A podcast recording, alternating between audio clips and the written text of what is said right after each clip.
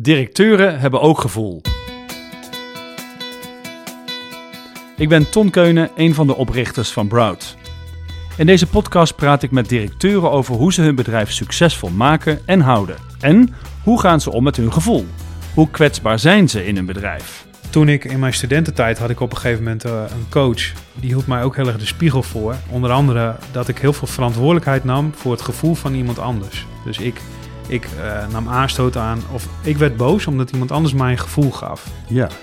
En zij vertelde mij toen van, jij bent verantwoordelijk voor je eigen gevoel. Dat doet die ander niet, jij doet dat zelf. Nou, en dat was voor mij wel een, uh, jij laat je, jezelf zo voelen. Die ander zal heus wel wat dingen doen, daar gaat het niet om. Maar jij staat toe dat je je zo voelt. En dat was voor mij, ik weet niet, het, je kan het ook heel als cliché benoemen. Maar voor mij Nou, was dat wel echt een, een inzicht dat ik dacht van, wow, dat is best wel fundamenteel. Want ik kan dus niet naar die ander wijzen, ik moet naar mezelf kijken. Hoe ga ik daarmee om? In deze aflevering praat ik met Peter Hager, een van de CEO's van Simplicate, of zoals hij het zelf zegt, co-CEO. Simplicate, een innovatief en hardgroeiend bedrijf dat CRM en projectadministratiesoftware ontwikkelt. Hey Peter, jij bent ehm, net vader geworden. Klopt. Hoe is dat, vader en leider zijn? Leuk, Ja? bovenal heel leuk. Ja. In beide gevallen moet je lijden natuurlijk, maar eh, bij die kleine nog wat minder. Maar eh, nee, dat, is, dat, ja, dat vind ik wel heel leuk, ja. Is dat goed te combineren? Ja, vind ik wel, ja. Ik heb sinds kort ook een, eh één keer in de twee weken een dag met, met de kleine. Ja, dat vind ik wel heel leuk, moet ik zeggen. Om ook een dagje gewoon full focus met hem bezig te zijn. Wat goed. En is dat een door de weekse dag? Zeker, Welke dag is het dan? de woensdag. Wat fantastisch. Ja. En dan ben je dan met werk bezig? Nou, nee, ik volg natuurlijk dingetjes wel. Je bent wel betrokken, Mhm. maar eh, ik, ben niet, ik ben er niet heel erg mee, niet actief mee bezig. Ik merk dat ik er wel passief mee bezig ben. Ja. Maar dat is juist wel fijn. want Het is ook een vorm van afstand nemen en eh, onbewust ga je dan ook wel wat reflectie doen. Of zo. Ja. Nou, wat goed. Maar ben je wel... Je merkt in Nederland dat het nog steeds heel slecht gaat hè, met de emancipatie. hè? Mhm. Dat de mannen zeg maar veelal gewoon niet thuis blijven. Maar dat doe jij gewoon dus een dag. Ja, ja recent besloten. Ja, wat goed ja, hé. Wat goed. Ja. Hey, en even voor mijn beeld, want je bent dan lekker voor die kleine aan het zorgen. En dan eh, eh, zijn er dan telefoontjes overdag of andere dingen waar je mee bezig moet houden? Nou, telefoon eigenlijk niet. De organisatie die staat inmiddels wel zo dat dat in principe niet per se nodig hoeft te zijn. Tenminste niet van intern. Kan natuurlijk wel zijn dat iemand anders een keer eh, belt. Ja. Maar dat valt heel erg mee. Eh, nee, ik, ben, ik word dan niet enorm veel afgeleid. En als er afleiding is, dan is er ook echt iets aan de hand. Dus Ja. dan moet ik dat ook gewoon echt organiseren. Dan is er brand. Ja, ja. Maar dat is tot nu toe nog niet gebeurd. Ik heb dit nu eh, volgens mij straks de derde of vierde keer. Dus het is nog vrij vers. Nou, wat goed. ja, Straks praat ik verder met Peter van Simplicate, maar eerst een korte introductie van mezelf. Ik ben Ton Keunen en ik ben directeur van Broud. Wij ontwikkelen leiderschap binnen organisaties op elk niveau. Als trainer en coach begeleid ik de afgelopen 15 jaar organisaties, teams en dus ook directeuren in authentiek leiderschap en ik ben inmiddels bekend met hun persoonlijke struggles. Voordat ik begon met coachen en trainen heb ik jarenlang als Human Resource Directeur binnen verschillende organisaties gewerkt. En ik weet uit eigen ervaring dat een veilige, transparante werkplek begint bij een directeur die kwetsbaar durft te zijn.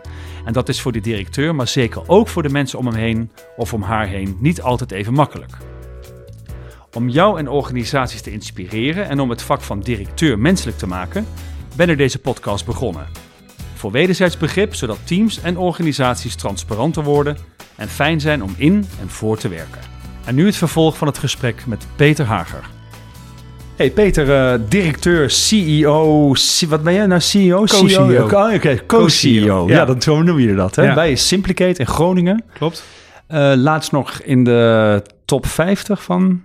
Ja, de Deloitte Fast 50. Kijk, ja, de snelst Fast 50. groeiende Fantastisch. techbedrijven van Nederland. Ja. Fantastisch. En techbedrijf, jullie maken software. ja, we maken wat we noemen business software. Dus Ja. dat is een eh, eigenlijk online software voor het eerste klantcontact tot factuur Mhm. voor dienstverlenende organisaties. Dus bedrijven die iets met uren doen, projecten. Oké, Ja. Oké, is dat om te controleren? Eh, je kan ermee controleren. Als je dat eh, zou willen doen, kan dat. Wat kun je er nog meer mee doen? Nou, je kan vooral automatiseren. Oké, dus zorgen goed. dat eh, de energie gaat naar de juiste dingen. Ja. Ja, ja. Nou, ik wil het heel graag met jou in dit gesprek hebben over controleren. ja. Dus je zegt automatiseren en misschien niet controleren. Klopt, ja. Leuk. Ja. Hey, in Groningen en in Amsterdam een eh, vestigingen. Ja, we hebben ongeveer nu 55 eh, collega's verdeeld over eh, kantoor Groningen. Dat is nu nog ons hoofdkantoor. Ja. En Amsterdam. En dat zijn allerlei disciplines verdeeld over twee, twee vestigingen. Ja, Fantastisch. ja. Hey Peter, wat ik weet van jou en Simplicate dat jullie afgelopen jaar behoorlijk gegroeid zijn. Mhm. Komt nog een verandering in jouw privéleven bij, groeien. Je bent nog niet zo heel erg oud, Nee, ik ben 34. 34. Klopt. Dus dat betekent een directeur met een goed miljoenenbedrijf. Hoe voelt dat? Ehm, ja, dat, hoe dat voelt. Ja, dat is Ja. vooral heel erg leuk. En eh, ook heel bijzonder om mee te maken. Om echt vanaf eh, eigenlijk niks eh, met elkaar te bouwen aan iets wat op een gegeven moment... het is een creatie, zeggen we wel eens. En een creatie gaat op een gegeven moment een soort van leven. Mhm. En dat is gewoon heel mooi om te zien, hoe, Ja. hoe dat gebeurt. En ja, om daar, om daar deel van uit te mogen maken. Ja. Oké, hoe ontstond die creatie? Ehm, hoe ontstond die creatie? Nou, uiteindelijk eh, eh, best wel lang geleden, in 2010, kwam ik, met, eh, eh, of kwam ik eigenlijk een beetje op dat idee. Ik had toen een ander bedrijf en ik miste een, een oplossing om, ja, zeg maar van eerste klantcontact tot factuur, om dat goed te organiseren. Mhm. Toen ben ik dat gaan maken, want ik had in het verleden veel geprogrammeerd als, als hobby. En ehm, ja, toen eh, ik daarmee bezig was, toen sprak een keer iemand en die zei: Jij bent daar zo enthousiast over aan het vertellen, zou je niet hier veel meer focus op moeten geven dan op dat andere bedrijf wat je, wat je aan het doen bent? Ja. En dat, eh, dat was ik wel met hem eens. En daarnaast wilde ik mijn studie graag afmaken. En het dreigde een beetje, dat andere bedrijf nam zoveel tijd en energie dat die studie wat lastig werd. Dus toen ben ik eh, het gaan, eh, ehm, daarop gaan focussen, mijn studie afgemaakt. En toen mijn huidige compagnon tegengekomen, toen ik klaar was met mijn studie, zei ik, nou, ik heb een soort prototype.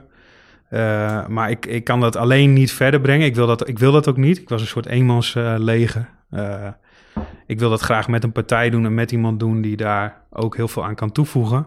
Waarom wilde je dat zo graag, Peet, met iemand anders? Nou, omdat ik heel erg behoefte had aan eh, een stukje sparren. ehm, ja, ook gewoon eh, eh, met elkaar ideeën vormen en daar ook scherp naar elkaar toe op kunnen zijn. En als Ja. ik denk als je alleen bent, dat dat lastiger is om, om dat eh, te organiseren. Wat maakt dat lastiger dan?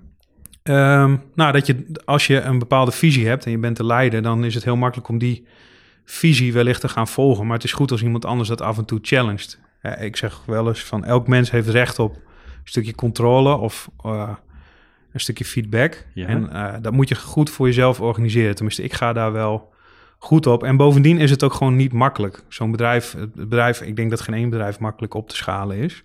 Maar zeker dit bedrijf niet. Nee. Dus ik wist ook gewoon heel veel niet. En wilde dat graag eh, met iemand doen die daar wel meer van wist. Of in ieder geval mij kon helpen. Of samen Mooi. ontdekken hoe we dat konden doen. Mooi. Ja. Dus jij bent, als ik jou hoor zeggen, je bent een leider die zegt iedereen heeft recht op een stuk feedback of in ieder geval een spiegel. Mhm. Ook dat blijkt eh, in Nederland best wel lastig. Hè? Heel veel leiders die kijken eigenlijk toch niet zo heel erg naar zichzelf. Wat vind jij het moeilijkste om bij jezelf te onderkennen? Ehm, nou, dat is eigenlijk het stukje dat ik wel, als het niet gaat zoals het mij, eh, of zoals ik dat bedacht, dan kan ik een beetje autoritair worden of eh, de controle overnemen. Ehm, ja, dat vind ik wel lastig. Daar heb ik wel heel erg aan moeten werken en nog steeds. Ja? Ja, dat als iemand zegt van, nou, ik weet niet, zeg, nou, ik pak het wel even over, Ja. ik ga het doen. Ja. En ik kom wel met het resultaat weer bij je terug. Maar daarmee heb je eigenlijk alle ontwikkeling of ontwikkelmogelijkheden voor de ander, zeg maar, direct eh, weggenomen. Ja. Ja. En wat voor effect heeft dat in de organisatie als jij zeg maar dat gedrag gaat vertonen? Nou ja, mensen vinden dat prima, want eh, het is leuk dat je dat oplost. Ja. Alleen eh, wat, je, wat je zal zien is dat mensen uiteindelijk niet zelf kunnen ontwikkelen. En wat ik net zei, je ontneemt ze die kans. En eh, daardoor groei je niet. Als, je groeit niet met elkaar. Je groeit alleen eh, doordat je zelf dat probleem hebt opgelost. Maar als organisatie heb je er niet zoveel van geleerd. Oké. Ik denk dat ik het heel interessant vind om dan te horen van... en waarom blijf je daar dan toch nog mee door? En je zegt af en toe gebeurt dat nog. En wat maakt dan dat dat dan toch gebeurt? Nou, wat, wat sowieso heel erg eh, belangrijk is om, is om te beginnen, is dat je weet dat het gebeurt. En eh, wat ik, wat ik eh, heb geleerd, is dat je als je dat niet weet, dan heb je geen inzicht. Hè, en dan kan je dus ook niks aan doen, want je begrijpt niet wat er gebeurt. Dus het begint ermee dat je het al onderkent en ook begrijpt van wat er, Ja, wat je, wat je moet doen eigenlijk op het moment dat je dat herkent. En dat Ja. is namelijk gewoon eigenlijk het tegenovergestelde. En eh, juist de controle uit handen geven of zeg van nou, iemand, wil iemand dit doen? Kan ik je helpen? Ja. Maar niet zelf die blubber altijd maar ingaan, zeg maar. Oké, en hoe, wat, wat was voor jou een moment waarop jij dacht, ik moet hier toch echt wel iets aan gaan doen? Ehm, nou, ik kan dat niet specifiek terugleiden naar één moment. Mhm. Ehm, het is meer een gevoel wat je op een gegeven moment bekruipt. Een gevoel waar je- dat je er een beetje alleen voor staat. Of het gevoel hebt dat anderen niet voelen wat jij voelt. Eh, om, maar dat komt simpelweg omdat ze er niet bij betrokken zijn op de manier zoals je dat zelf op dat moment bent. Doordat je het ook bij jezelf houdt. Ja. Dus een paar keer zo'n soort situatie gehad. En toen dacht ik wel van hoe kan dit nou toch? Want voor mijn gevoel zijn er wel allemaal heel betrokken mensen in ons bedrijf. Ja. Eh, de cultuur is goed, maar op een of andere manier ontstaat wel dit probleem dat ik eh, dat gevoel heb. Mhm. En wat ik daarin ook heel erg geleerd heb, is dat je altijd heel erg moet beginnen bij jezelf. Om te kijken, wat heb ik daar zelf aan gedaan? Voordat je ook begint te wijzen naar iemand anders. Hè? Van die mensen vragen het niet of die doen het niet. Of Ja. je moet eerst bij jezelf beginnen. ja, en even over dat geleerde. Want dan, ik hoor jou zeggen, ja, ik deed dat dus. Ik had er eigenlijk nog niet zoveel inzicht in waarom ik dat aan het doen was. Blijkbaar heb je wel een aantal momenten in de organisatie gezien dat je wist wat voor impact jouw gedrag op de organisatie had. Kun je daar een voorbeeld van geven wanneer je zag dat je dacht van, oh ja, nou, nu zie ik toch wel dat dit wel een soort van negatieve impact heeft. Nou, ik zie het nu wel eens als ik die controle bijvoorbeeld onbewust overneem. Mhm. dat iemand zegt van eh, nee, maar dat kan ik wel doen. Die hebben dus ook, de, degene die met mij samenwerken, hebben dus ook geleerd dat als zij af en toe dat zien, dat ze dan ook gewoon mogen opstaan en zeggen: nee, ik, ik hou het wel bij me. Hè, het komt goed. Ja, En waarop ik dan ook direct herken van oké, nu ging ik dus iets eh, eh, te ver. Ehm, en het, ja, dat is ook wel weer mooi, maar daarin zie je dus dat de organisatie er ook op een bepaalde manier op reageert. Van hé, hey, nee, ik kan dat zelf wel doen. Of eh, la- laat mij maar. Of, eh, oké. en de organisatie, dat zijn natuurlijk de mensen waar je Ja, mee werkt. Hè? ja, ja. Maar was er dan iemand die dat tegen jou zei? Van joh, Peet, laat dat nou maar gewoon gaan, want dat is van mij. Ehm, ja, indirect. hè, Mhm. dus in de voorbeelden die ik net eh, schetste. Maar het was niet één moment dat iemand tegen me zei van... ja, dat moet je echt niet meer doen. Oké. Hè, wij, we doen een stukje leiderschapsontwikkeling, zeg maar. Nou, Ja. Daar weet jij ook het nodige van. En daar werd mij dit heel erg duidelijk. En eh, wij zijn sowieso in, als organisatie daarin ook heel erg bezig... om die feedbackcultuur, waar, waar je eigenlijk... Hè, dat doe jij denk ik ook op. Dat, dat wil je eigenlijk, dat mensen dit zelf aangeven... Nou, die moet nog heel erg ontwikkeld worden bij ons. Daar zijn we dus ook heel druk mee bezig. Dat mensen dat gewoon ook kunnen zeggen. Van, Ja. joh, geef het maar aan mij. Nou, waarom ik op doel, eh, Peter, heeft te maken met... Kijk, ik, ik hoor jou zeggen, ik vind dat iedereen dat verdient. En Ja. ik ben het echt ongelooflijk met je eens, anders zou ik dit bedrijf niet hebben. Dus dat, ik ben het met je eens. Ehm, alleen in de organisatie is dat nog niet ontstaan zoals jij graag zou willen. Nee, dat gebeurt nu wel steeds Ja, meer. Hè? Dus ja. dit is wel de reis, zeg maar. Ja, Ja, klopt. Maar dat is, het, is, het heeft te maken met... eh, wij werken heel veel met hele jonge mensen. Dus die eigenlijk net eh, eh, aan de slag gaan bij een eerste werkgever of een tweede werkgever. ja, En dan zie je ook dat die, en inclusief ikzelf, dat het gewoon iets is wat je moet ontwikkelen. Hè? Een stukje persoonlijk leiderschap. eh, maar ook gewoon eh, een professionele manier van met elkaar omgaan. Daar hoort ook feedback geven bij. Dat is gewoon, het is heel erg belangrijk. Als je dat niet doet, dan eh, ontneem je een ander de kans om beter te worden. zeg ja om maar. te groeien. Om te groeien. Ja, En dat, is, en dat is iets, dat moet je inzien. En als je dat één keer weet, dan moet je dus gaan kijken van hoe gaan we daar vorm aan geven. Want het kan natuurlijk heel snel ook een verkeerde kant op gaan. Dat je te veel feedback geeft of ook dan ook niet waardeert. ja. Of de feedback geeft alleen maar in eh, problemen stellen in plaats van uitdagingen. Mhm. Dus daar, daar moet je in... eh, daar, daar heb ik wel veel nog te doen en ook al veel geleerd. Ja. Maar dat is, eh, dat is wel een uitdaging. Wat ja, heb je nog te doen? Nou, nog meer, wat een recente ontwikkeling is, heel erg dat denken in problemen, of het probleem benoemen. Ik en mijn eh, compagnon, die gaan daar best wel goed op. Wij gaan goed op problemen oplossen. Ja, Maar mensen gaan veel beter op uitdagingen. Dus eh, waar we naartoe willen is van, om het niet in de problemen te benoemen, maar veel meer in de uitdaging die er ligt, zodat het ook motiverend kan gaan werken. En nou, dat is een inzicht, dat hebben we vorige week bijvoorbeeld gehad, op basis van wat feedback. wat goed. Wat gebeurde er dan? Ehm, nou, een, een, een collega die kwam bij ons en die zegt van ja, of er waren eigenlijk twee collega's die dat in ons MT, Ja, die dat onafhankelijk van elkaar eh, benoemden in verschillende woorden. Van eh, laten, we, laten we wat meer in die uitdagingen gaan, gaan praten. En ehm, nou, toen hadden wij zoiets van: dit kan geen toeval zijn. hier moeten we wat mee. En dan doe je dus onbewust iets Wat fijn. Wat je eigenlijk, waarmee je- wat een effect Ja, heeft wat wat je fijn. eigenlijk niet wilt. Ja. En liggen je, want jouw compagnon heet Gerard, hè? Klopt. Liggen Gerard en jij dan mee op één lijn? In uitdagingen en problemen? Ehm, ja en nee. Eh, voor de organisatie eh, ligt, liggen, liggen we daar heel erg op, eh, op één lijn. Het leuke is ook wel, we zijn heel verschillend. Dus eh, ehm, je moet. Het mo- en het leuke daaraan is, waarom vind ik dat leuk? Dat je, je dan wat je in je hoofd zich afspeelt, als jouw idee van wat voor leiderschap is er nu nodig, moet je die ander gaan eh, verkopen of uitleggen. En andersom werkt dat ook zo, waardoor Ja. je het nog scherper krijgt. Je krijgt daar vragen op terug. En zo kneed je samen, zeg maar, eh, eh, wat er nodig is. En kom je tot inzicht. En dat, dat vind ik daar heel leuk aan. En daarom vind ik het ook belangrijk dat we verschillend zijn. Zodat hij met een invalshoek kan komen die ik nog niet had gezien. En andersom. En hoe lang werken jullie al samen? Zes, nee, in 2012 zijn we samen gaan werken. Dus dat is nu al bijna tien jaar. Zo, Maar in dit bedrijf eh, werken we sinds 2014 samen. oké. Fulltime. 2015 fulltime, ja. Maar je weet dat samenwerkingen tussen partners, zeg maar 80% van de gevallen binnen twee jaar doodgaat en kapot gaat. Ja, Waarom is dat bij jullie niet zo? Nou, om te beginnen is er heel veel respect. Dat is heel erg belangrijk. We kunnen een heel goed eh, conflict hebben, constructief conflict, zeg maar, Mhm. samen, eh, samen hebben. Ehm, zonder dat het de relatie schaadt. Dus we, we waken wel heel erg voor de relatie. Dat vinden we allebei heel erg belangrijk. Mhm. Ehm, en ik denk dat dat eigenlijk wel heel erg belangrijk is. En, en je weet gewoon dat je... Ik vind vertrouwen heel belangrijk. Dus je moet elkaar 100% kunnen, kunnen vertrouwen. Eh, eerlijk zijn naar elkaar. Ehm, Maar het is niet altijd makkelijk, toch? Nee, dat is zeker niet makkelijk. Nee. Dus hoe houden jullie dat, zeg maar, levend? Nou, we hebben het er veel over. Mhm. Dus ja, we zien wat er in het bedrijf gebeurt. En dat overkomt ons soms. En soms ook niet. Vaak overkomt het je, want dat zijn toch de zaken waar je als, eh eh, eh, nou, in ons geval CEO's, zeg maar, mee bezig bent. En dan ga je het daarover hebben van hoe kan dit? En, wa- en waarom gebeurt dit? En ehm, eh, wat kunnen we eraan doen? En wat is jouw idee?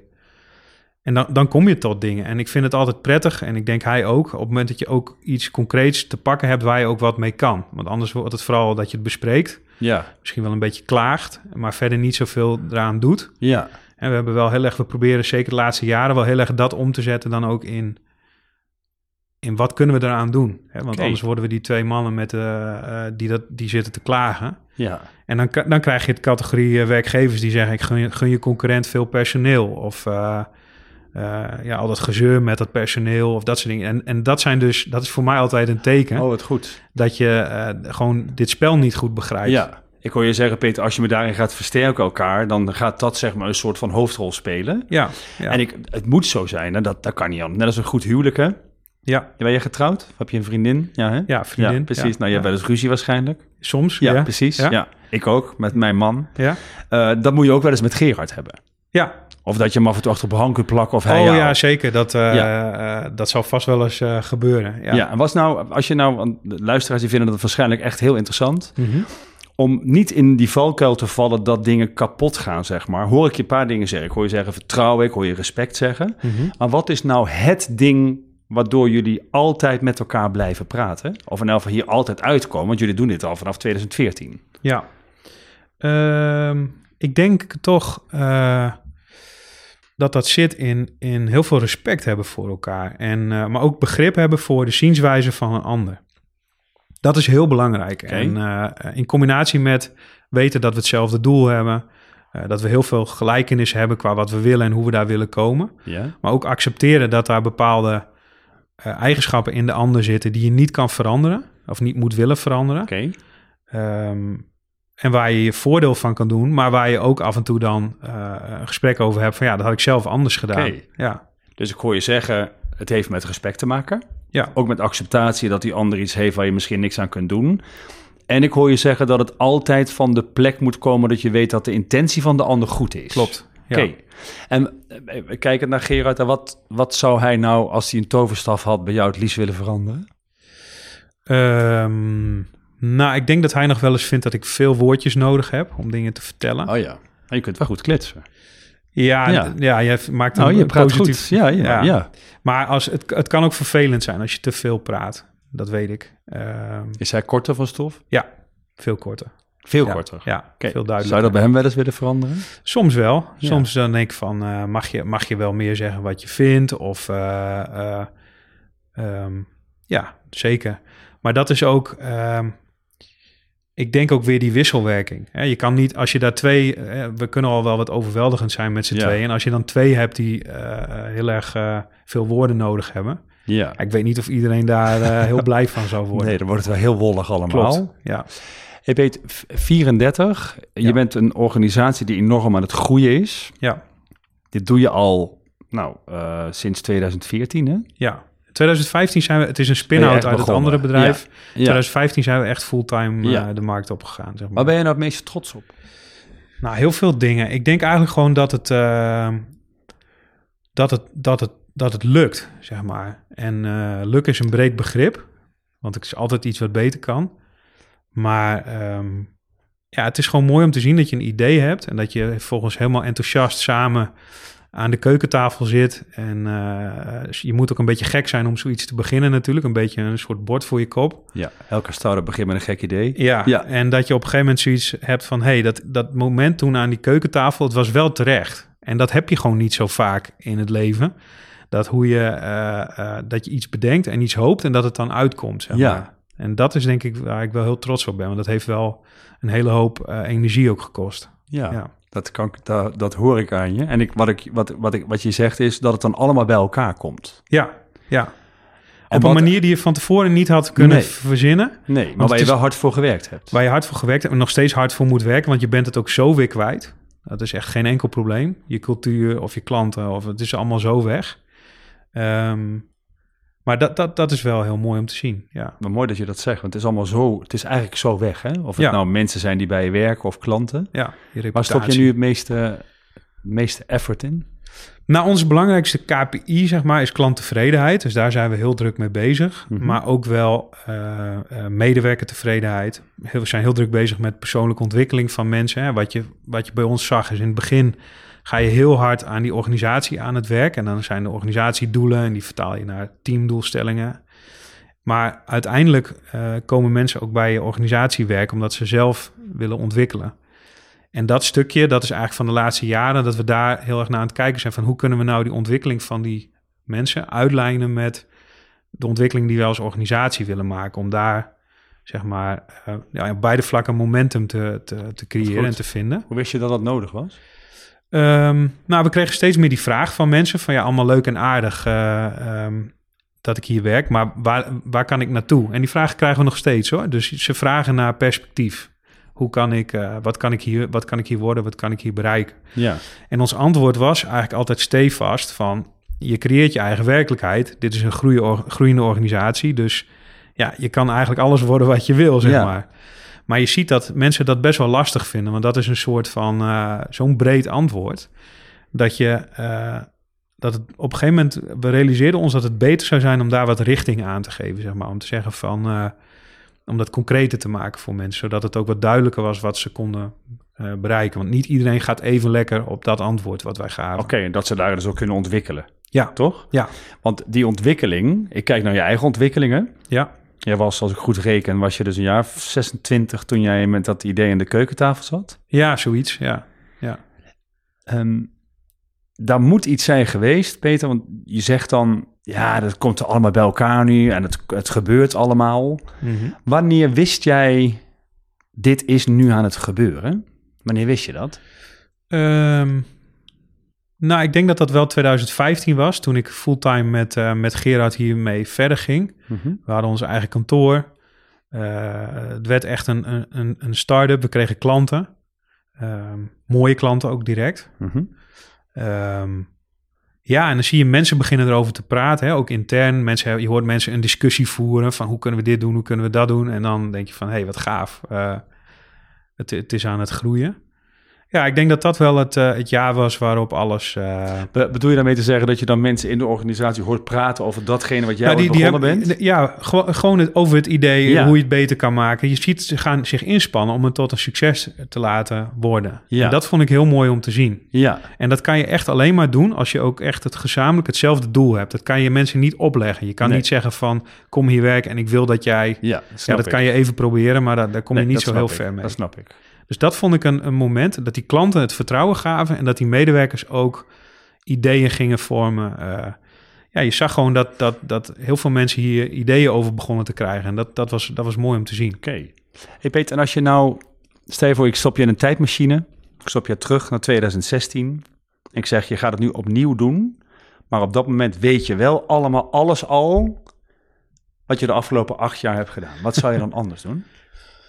Nou, ik zou vanaf het begin meer gefocust hebben op. Um, wat wij niet goed hebben gedaan in het begin is uh, werving en selectie waren we te makkelijk. Dus te snel mensen aangenomen. Uh, ik denk als je met ons een, uh, een sollicitatiegesprek had toen. Ja, vijf dat, minuten. Ja, dat was gewoon van. Ik, maar nog steeds, ik moet heel eerlijk zeggen, ik heb altijd met iemand voordat hij de eerste slok koffie heeft gehad, weet ik het eigenlijk. Weet ik het al. En dat is niet oordelend bedoeld, maar denk ik dat ik al gevoel heb wat voor iemand aan tafel zit. Je weet gewoon, eerste indruk is al, doet heel veel. Ja. Maar uh, daarop vertrouwen, dat, dat, dat is gewoon uh, echt killing. Dus we hebben wel veel leergeld betaald. En mensen die bij ons uh, gewerkt hebben ook in de vorm van dat we gewoon niet precies wisten welke competenties en skills, soft skills, hard skills je nodig hebt om die functie überhaupt goed te kunnen doen. En daar wordt te makkelijk overheen gestapt. En uh, dat is wel iets, uh, het belang van goede mensen. Iedereen heeft het erover, maar dat is echt, echt heel groot. En daar hadden we wel vanaf het begin, denk ik, meer focus op kunnen hebben bij het aannamebeleid. Dat we ja, daar nog beter naar hadden gekeken. Zeg maar. Van wat hebben we nu eigenlijk echt nodig en hoe checken we dat? Want, hoe, weet, hoe wist je dat dat anders moest? Want er zijn natuurlijk dan een aantal dingen gebeurd. Ja, je krijgt op een gegeven moment verloop. Of mensen beginnen en uh, na een paar maanden komen ze erachter dat het niet wat... Het is niet iets voor hun. Of uh, ze doen het op een manier die niet past bij de kernwaarden van het bedrijf.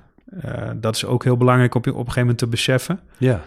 Um, dat hoeft niet een verkeerde manier te zijn, maar het nee. is niet een manier die past bij ons. Ja. Um, een voorbeeld, hè, als wij sales doen, dan wij doen dat als team. Uh, iedere, als, we hebben zelfs situaties gehad dat jongens uh, hun bonus een stukje af hebben gestaan aan een ander teamlid omdat hij het net niet gehaald had. Nou, dat is echt uniek in een, in een, uh, een salescultuur. En dan komen ze dan zelf met dat voorstel. Ja. Dat komt omdat een van onze kernwaarden is bijvoorbeeld, we doen het heel erg samen. En dat willen we ook dat de cultuur is. Als je dan daar bijvoorbeeld een collega bij zet die alleen maar gaat voor zijn eigen doelstellingen, mm -hmm. ja, dan doet dat iets met dat team en dan doet dat iets met je cultuur. En dan kan je wel zeggen, het is een manier, je haalt die handel wel binnen, mm -hmm. maar het past niet bij hoe wij dat willen doen. Ja. Je haalt je resultaten, maar je, je haalt je resultaten. Ja. Klopt, maar je, ja. je vernielt je cultuur. En nou, dat, dat, soort, dat is een voorbeeld waar, waarbij je er dan achter komt van ja, dit kan zo niet verder. En dan moet je keuzes maken. Is het ook je grootste uitdaging voor de toekomst als je gaat kijken naar de groei van Simplicate? Ja, die ligt wel heel erg op het vinden van goede mensen. Want het wordt steeds moeilijker. Uh, niet alleen om die mensen, ja, ook om die mensen te vinden, maar dit bedrijf laten groeien wordt steeds moeilijker. Ja. Uh, ik merk dat ook aan mezelf. Hè. Je hebt gewoon veel uitdagingen die uh, waar je ook zelf niet maar zomaar meer het antwoord op hebt. Waar je een paar jaar geleden nog wel zoiets had van, nou, we gaan wat meer dat of wat meer zus of zo. Wordt dat steeds ingewikkelder. Um, dus je moet ook mensen hebben die, die, dat, die dat echt heel goed, dat spelletje begrijpen en weten hoe, hoe dat werkt. Ja. En die zijn gewoon super schaars. Zitten die in Groningen? Groningen en Amsterdam. Maar zitten maar, ze in Groningen? Zitten er zit, genoeg in Groningen? Uh, genoeg weet ik niet. Ja. Uh, ik hoop het wel. Maar uh, om die reden hebben wij wel ook een kantoor in Amsterdam bijvoorbeeld. Om, ja. om wel ook daar toegang te hebben tot de arbeidsmarkt. Ja, slim. Ja, het is wel, wij, wij, vinden het wel een goede zet. ook omdat veel van onze klanten in het, in het westen zitten. En we dus ook dichter bij die klanten zijn. Ja, nu in coronatijd maakt dat niet zoveel uit. Maar voor corona waren we toch nog wel veel bij de klant over de vloer. Ja. Met sales of, of een stukje consultancy. Ja. Um, ja, dus, dus het maakt ons eigenlijk niet uit. Als, het gaat ons om de persoon en niet om waar die, uh, waar die woont. Oké, okay. nee, ja. dat snap ik. Maar in Amsterdam zijn ze misschien straks wat makkelijker te vinden dan in Groningen. Ik kan me wel voorstellen dat dat wat makkelijker zal zijn. Ja, Oké, ja. Iedereen heeft in zijn leven wel eens een moment waarop die. Ik, ik, ik kan me dat moment nog heel goed herinneren, want ik, want ik zat op de middelbare school en ik, eh, ik had eh, weer gedoe met mensen. En toen dacht ik, nu gaat het echt een keer helemaal anders. En toen ben ik op vakantie gegaan, toen heb ik mijn haar kort laten knippen, ik ben andere kleren aangetrekken. En toen dacht ik, zo, en nou is het even lekker anders. Een nieuwe Want niet Tom. zo'n hele slimme nieuwe Tom, niet Ja. zo'n slimme beslissing, maar het was wel voor mij een transformatiemoment. Mhm. Jij bent 34. Mhm. Kun jij een moment zeggen in je leven waarop je dacht... dat is het moment waarop ik dacht... en nu gaan we het eens even, even helemaal anders doen. Poeh. Nee. Wel heel veel kleinere momenten op dat gebied. Neem ik genoegen mee. Noem eens een kleinere. Nou, ik heb bijvoorbeeld... eh, toen ik in mijn studententijd had ik op een gegeven moment eh, een coach. En die, eh, eh, die hield mij ook heel erg de spiegel voor. Onder andere dat ik heel veel verantwoordelijkheid nam voor het gevoel van iemand anders. Dus ik, ik eh, nam aanstoot aan... Of ik werd boos omdat iemand anders mij een gevoel gaf. Ja. En zij vertelde mij toen van, jij bent verantwoordelijk voor je eigen gevoel. Dat doet die ander niet, jij doet dat zelf. Nou, en dat was voor mij wel een, jij laat je, jezelf zo voelen. Hè, die ander zal heus wel wat dingen doen, daar gaat het niet om. Maar jij staat toe dat je je zo voelt. En dat was voor mij, ik weet niet, het, je kan het ook heel als cliché benoemen. Maar voor mij was dat wel echt een, een inzicht dat ik dacht van, wow, dat is best wel fundamenteel. Want ik kan dus niet naar die ander wijzen, ik moet naar mezelf kijken. Hoe ga ik daarmee om? Het is heel grappig dat je dan zegt van... dat is misschien een soort van platitude. Maar even, Peet, weet jij hoeveel mensen niet eens in de gaten hebben... dat zij... Dat ze, dat ze soms denken van dat gevoel doe jij mij aan. Weet je dat 80 tot 90 procent van de bevolking zo denkt? Nee, dat geloof ik. Ja, ik wist Ja. het ook niet. Ja, dat, Ik wist het ook niet. Maar Maar ja, jij als je- geeft mij het gevoel. Kijk, hier staat een niet. kast. Ja, mensen kunnen dit niet zien, maar er staat hier een kast met allemaal boeken. Ik denk dat heel veel van dit soort wijsheden staan allemaal in die boeken. Dat bedoel ik met Ja. cliché. Ja, maar ja. Ja, en eh, ja, nou ja, maar het- het heeft jou volgens mij ongelooflijk verder geholpen. ja, op dat moment wel. Ja, nou nog steeds Ja. denk ik. ja, ja zeker. Ja. Toch? Ja, ja. Want ik denk dat je op het moment dat jij het hebt over dat je boos wordt of dat je een bepaald gevoel krijgt, dat je nu bij jezelf als directeur bedenkt, dit gevoel is van mij, Mhm. ik word nu boos, maar waarom word ik nu boos? Dat klopt. Ja, ja. En dan wat doe je dan? Want dan, dan denk je dat. Volgens mij word je minder boos. Ja, zeker. Ja, want je beseft wat er gebeurt en eh, je gaat op zoek naar hoe, hoe komt dit nu. En niet, het is niet zo interessant welke emotie daar dan uit Ja. moet komen. Dat is eigenlijk helemaal niet interessant. Dus wat doe je nu? Geef je jezelf tijd of heb je jezelf meteen onder controle of loop je even weg? Wat, wat doe je Ik geef mezelf tijd, ik reageer niet direct. Hmm. Of probeer niet direct te reageren. Oké, primair is er een beetje af. Ja, ja, en daarna ga ik eens rustig over nadenken of even samen sparren van wat, wat was dit nou, wat, hoe komt dit? En dan vanuit daar eh, proberen te ontrafelen, zeg maar, wat er precies gebeurt. Hey, en kijk naar de toekomst, Peter. Wat vraagt dat van jouw leiderschap? 34 ben je nu, waar moet je nog naartoe groeien? Nou, er nog, er is nog heel veel te doen. Ja. Sowieso, eh, we zijn nu met, eh, dit jaar gaan we denk ik richting de 60 eh, mensen. Dat is weer heel anders dan bijvoorbeeld de fase waarin je met 10 of 15 man bent. Al is het alleen maar om het feit dat je gewoon niet iedereen meer persoonlijk spreekt op wekelijks of soms zelfs maandelijks basis. Dus dat is heel anders. Dus je moet meer leiding gaan geven vanuit eh, afstand, letterlijk. Ehm, ja, dat, dat vereist eh, dat je qua communicatie, dat moet, dat moet heel goed zijn daarvoor. Maar ik denk het belangrijkste is dat, we, ehm, dat het van mij en ons vraagt om heel veel te investeren in dat, in dit geval ons managementteam. Om ervoor te zorgen dat zij dat weer aan hun, eh, binnen hun teams, zeg maar, kunnen, Op diezelfde manier kunnen doen. En dat is echt een slag die je moet maken. En dan moet je veel meer naar coachen en eh, meedenken in plaats van eh, het zelf allemaal doen. zeg Vind je dat maar. makkelijk? Nou, dat vind ik wel een uitdaging. Ik vind het wel steeds leuker. Ja. Omdat, Waarom vind je het leuker? eh, omdat ik, doordat ik daar nu meer inzicht in heb wat daarvoor nodig is en Ah. welke wetten daar spelen, krijg Ja. je ook meer, ja, je, je- competenties nemen toe, zeg maar. Waardoor je het ook gewoon eh, eh, leuker gaat vinden. Ja. En welke competentie neemt dan toe? De competentie om ah, te zien wat er gebeurt. Ik vind dat een competentie. Dus het, krijgen van inzicht dat je dat goed, als, je, als iets gebeurt, dat je dat kan vertalen naar wat gebeurt ons hier eigenlijk. In plaats van daar direct wat van te vinden. Of dat is gewoon, eh, dat, daar begint het mee. Maar daarna ook het vermogen om met elkaar te kijken naar wat, wat moeten we nu doen om dit obstakel zeg maar weg te nemen. Hoe kunnen we dat het beste doen? En dat is, dat is iets wat je moet leren. Oké, maar gewoon ook loslaten dus. Ja, absoluut. Oké. Ja, ja. En jullie zijn natuurlijk eigenaar ook. Ja. Welke tip kun je nou geven aan al die Nederlandse eigenaren die ook samen directeur zijn? Wat voor tip hebben die mensen nodig? Geef mij ook eens een tip trouwens. om, het, om het los te laten bedoel ja, zeker. Nou ja, kijk, ehm, ik ben natuurlijk een Noorderling, hè, dus een beetje nuchter. Maar uiteindelijk is het gewoon, je moet het ook gewoon doen. En, ehm, en ik denk dat je ook best wel, eh, als je dat doet, tegen diegene mag uitspreken dat je het eng vindt of eh, eh, dat je het lastig vindt.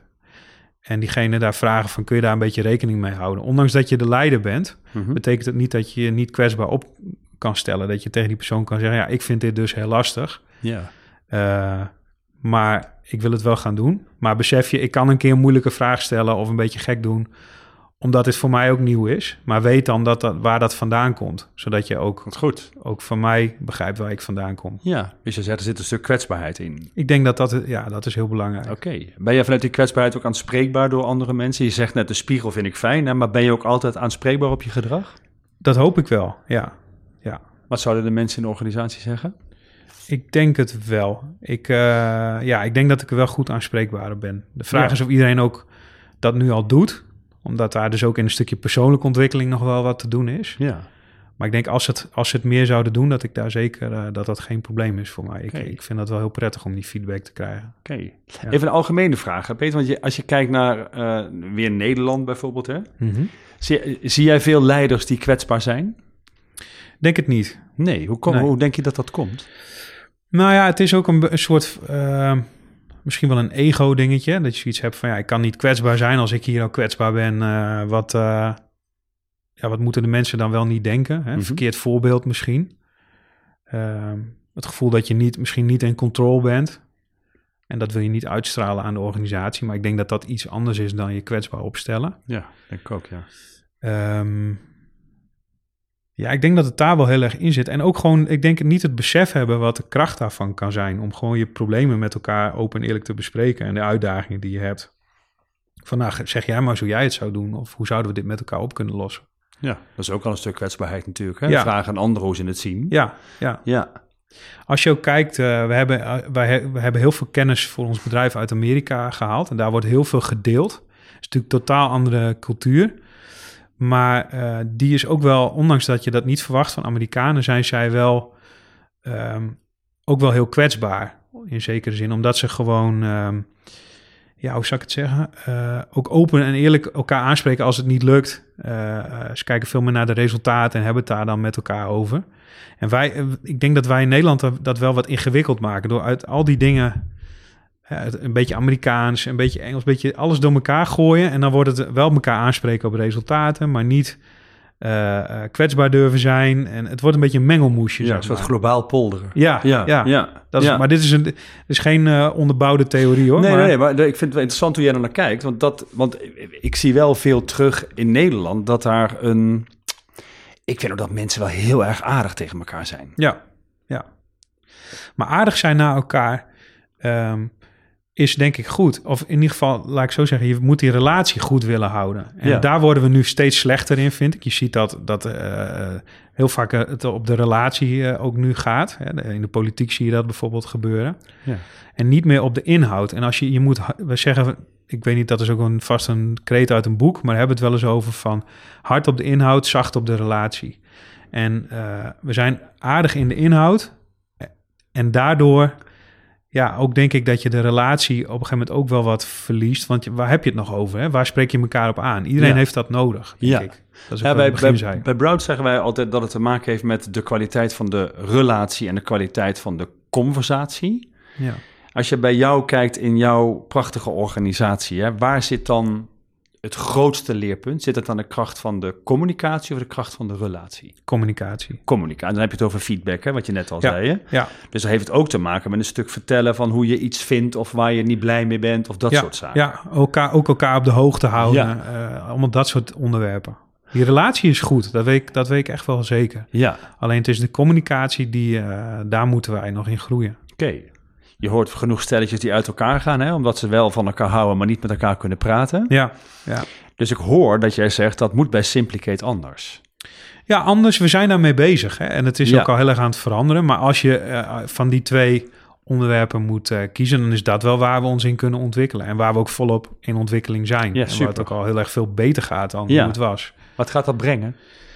Nou, ik denk sowieso de, ehm, brengt dat de ingrediënten voor de groei Mhm. Die we nodig hebben. Eh, want zo, als we dit niet doen, dan kunnen wij niet verder groeien. Waarom niet? Omdat we dan, eh, denk ik, niet de, niet de mensen op de juiste manier in stelling brengen om dit aan te kunnen. Om überhaupt die groei aan te kunnen. Eh, Peter, als afsluiting, hè? Ja, Wat we willen maken met deze podcast is ook de tip van Simplicator voor alle ondernemers in Nederland. Wat zeg je nou? Dit is een ding. Doe dit nou en je wordt succesvol. poeh. dat is een goede vraag. Ik denk dat het heel belangrijk is om eh, je medewerkers en je hele organisatie mee te nemen in je doelen. Dat is, dat is echt een onderschat iets. Daar heel veel over te praten met elkaar. Je daar kwetsbaar ook over op te stellen wat je daar zelf lastig in vindt. Daar hulp bij te vragen van de mensen in je team. En op die manier eh, ja, denk ik dat je echt een hele mooie eh, structuur neerzet om te groeien. Ja. Mooi. Lang antwoord, maar Nee, ik, ik, ik snap hem. Ik zou hem... Patty McCord, die zegt daarover... Zij ze heeft bij Netflix gezeten. Zij zegt daarover... Iedereen in een organisatie moet weten waar het over gaat. ja, Oftewel, wat zijn we aan het doen? Waarom doen we ja. dat? En waar staan we nu? ja. Is dat wat je bedoelt? ja, dat is wat ik bedoel. Maar om volgens daar ook een stukje kwetsbaarheid op te tonen en, en, en de mensen in stelling te brengen, dat is denk ik heel belangrijk. En over dat doel, doelen stellen, ik denk dat dat echt onderschat is. Want ik merk nog bijna dagelijks hoe snel je zeg maar ruis op de lijn hebt tussen waar jij denkt dat het naartoe moet en waar een ander denkt dat het naartoe moet. En dan moet je het met elkaar over hebben. En dat, dat is echt eh, eh, onderschat, denk ik. Ja. Ja, Nou, Peter, je hebt een mooi bedrijf gebouwd. dankjewel Tom. Ja, jij ook. Maar daar moet Ja. ik een andere, andere aflevering Even maar goed, zo hè? over Ja, ik hebben. we zeggen, dan draaien we de rollen om, hè? Ja. Hey, dankjewel voor dit gesprek. Jij bedankt. Leuk dat je er was. Ja, ik vond het leuk. Dankjewel. Dank. Zit je nou te luisteren en denk je, ik ben of ik ken iemand die ook thuis hoort in deze podcast? Laat het me weten via podcast.broud.nl. Ik ben benieuwd naar jouw verhaal. Tot de volgende directeuren hebben ook gevoel.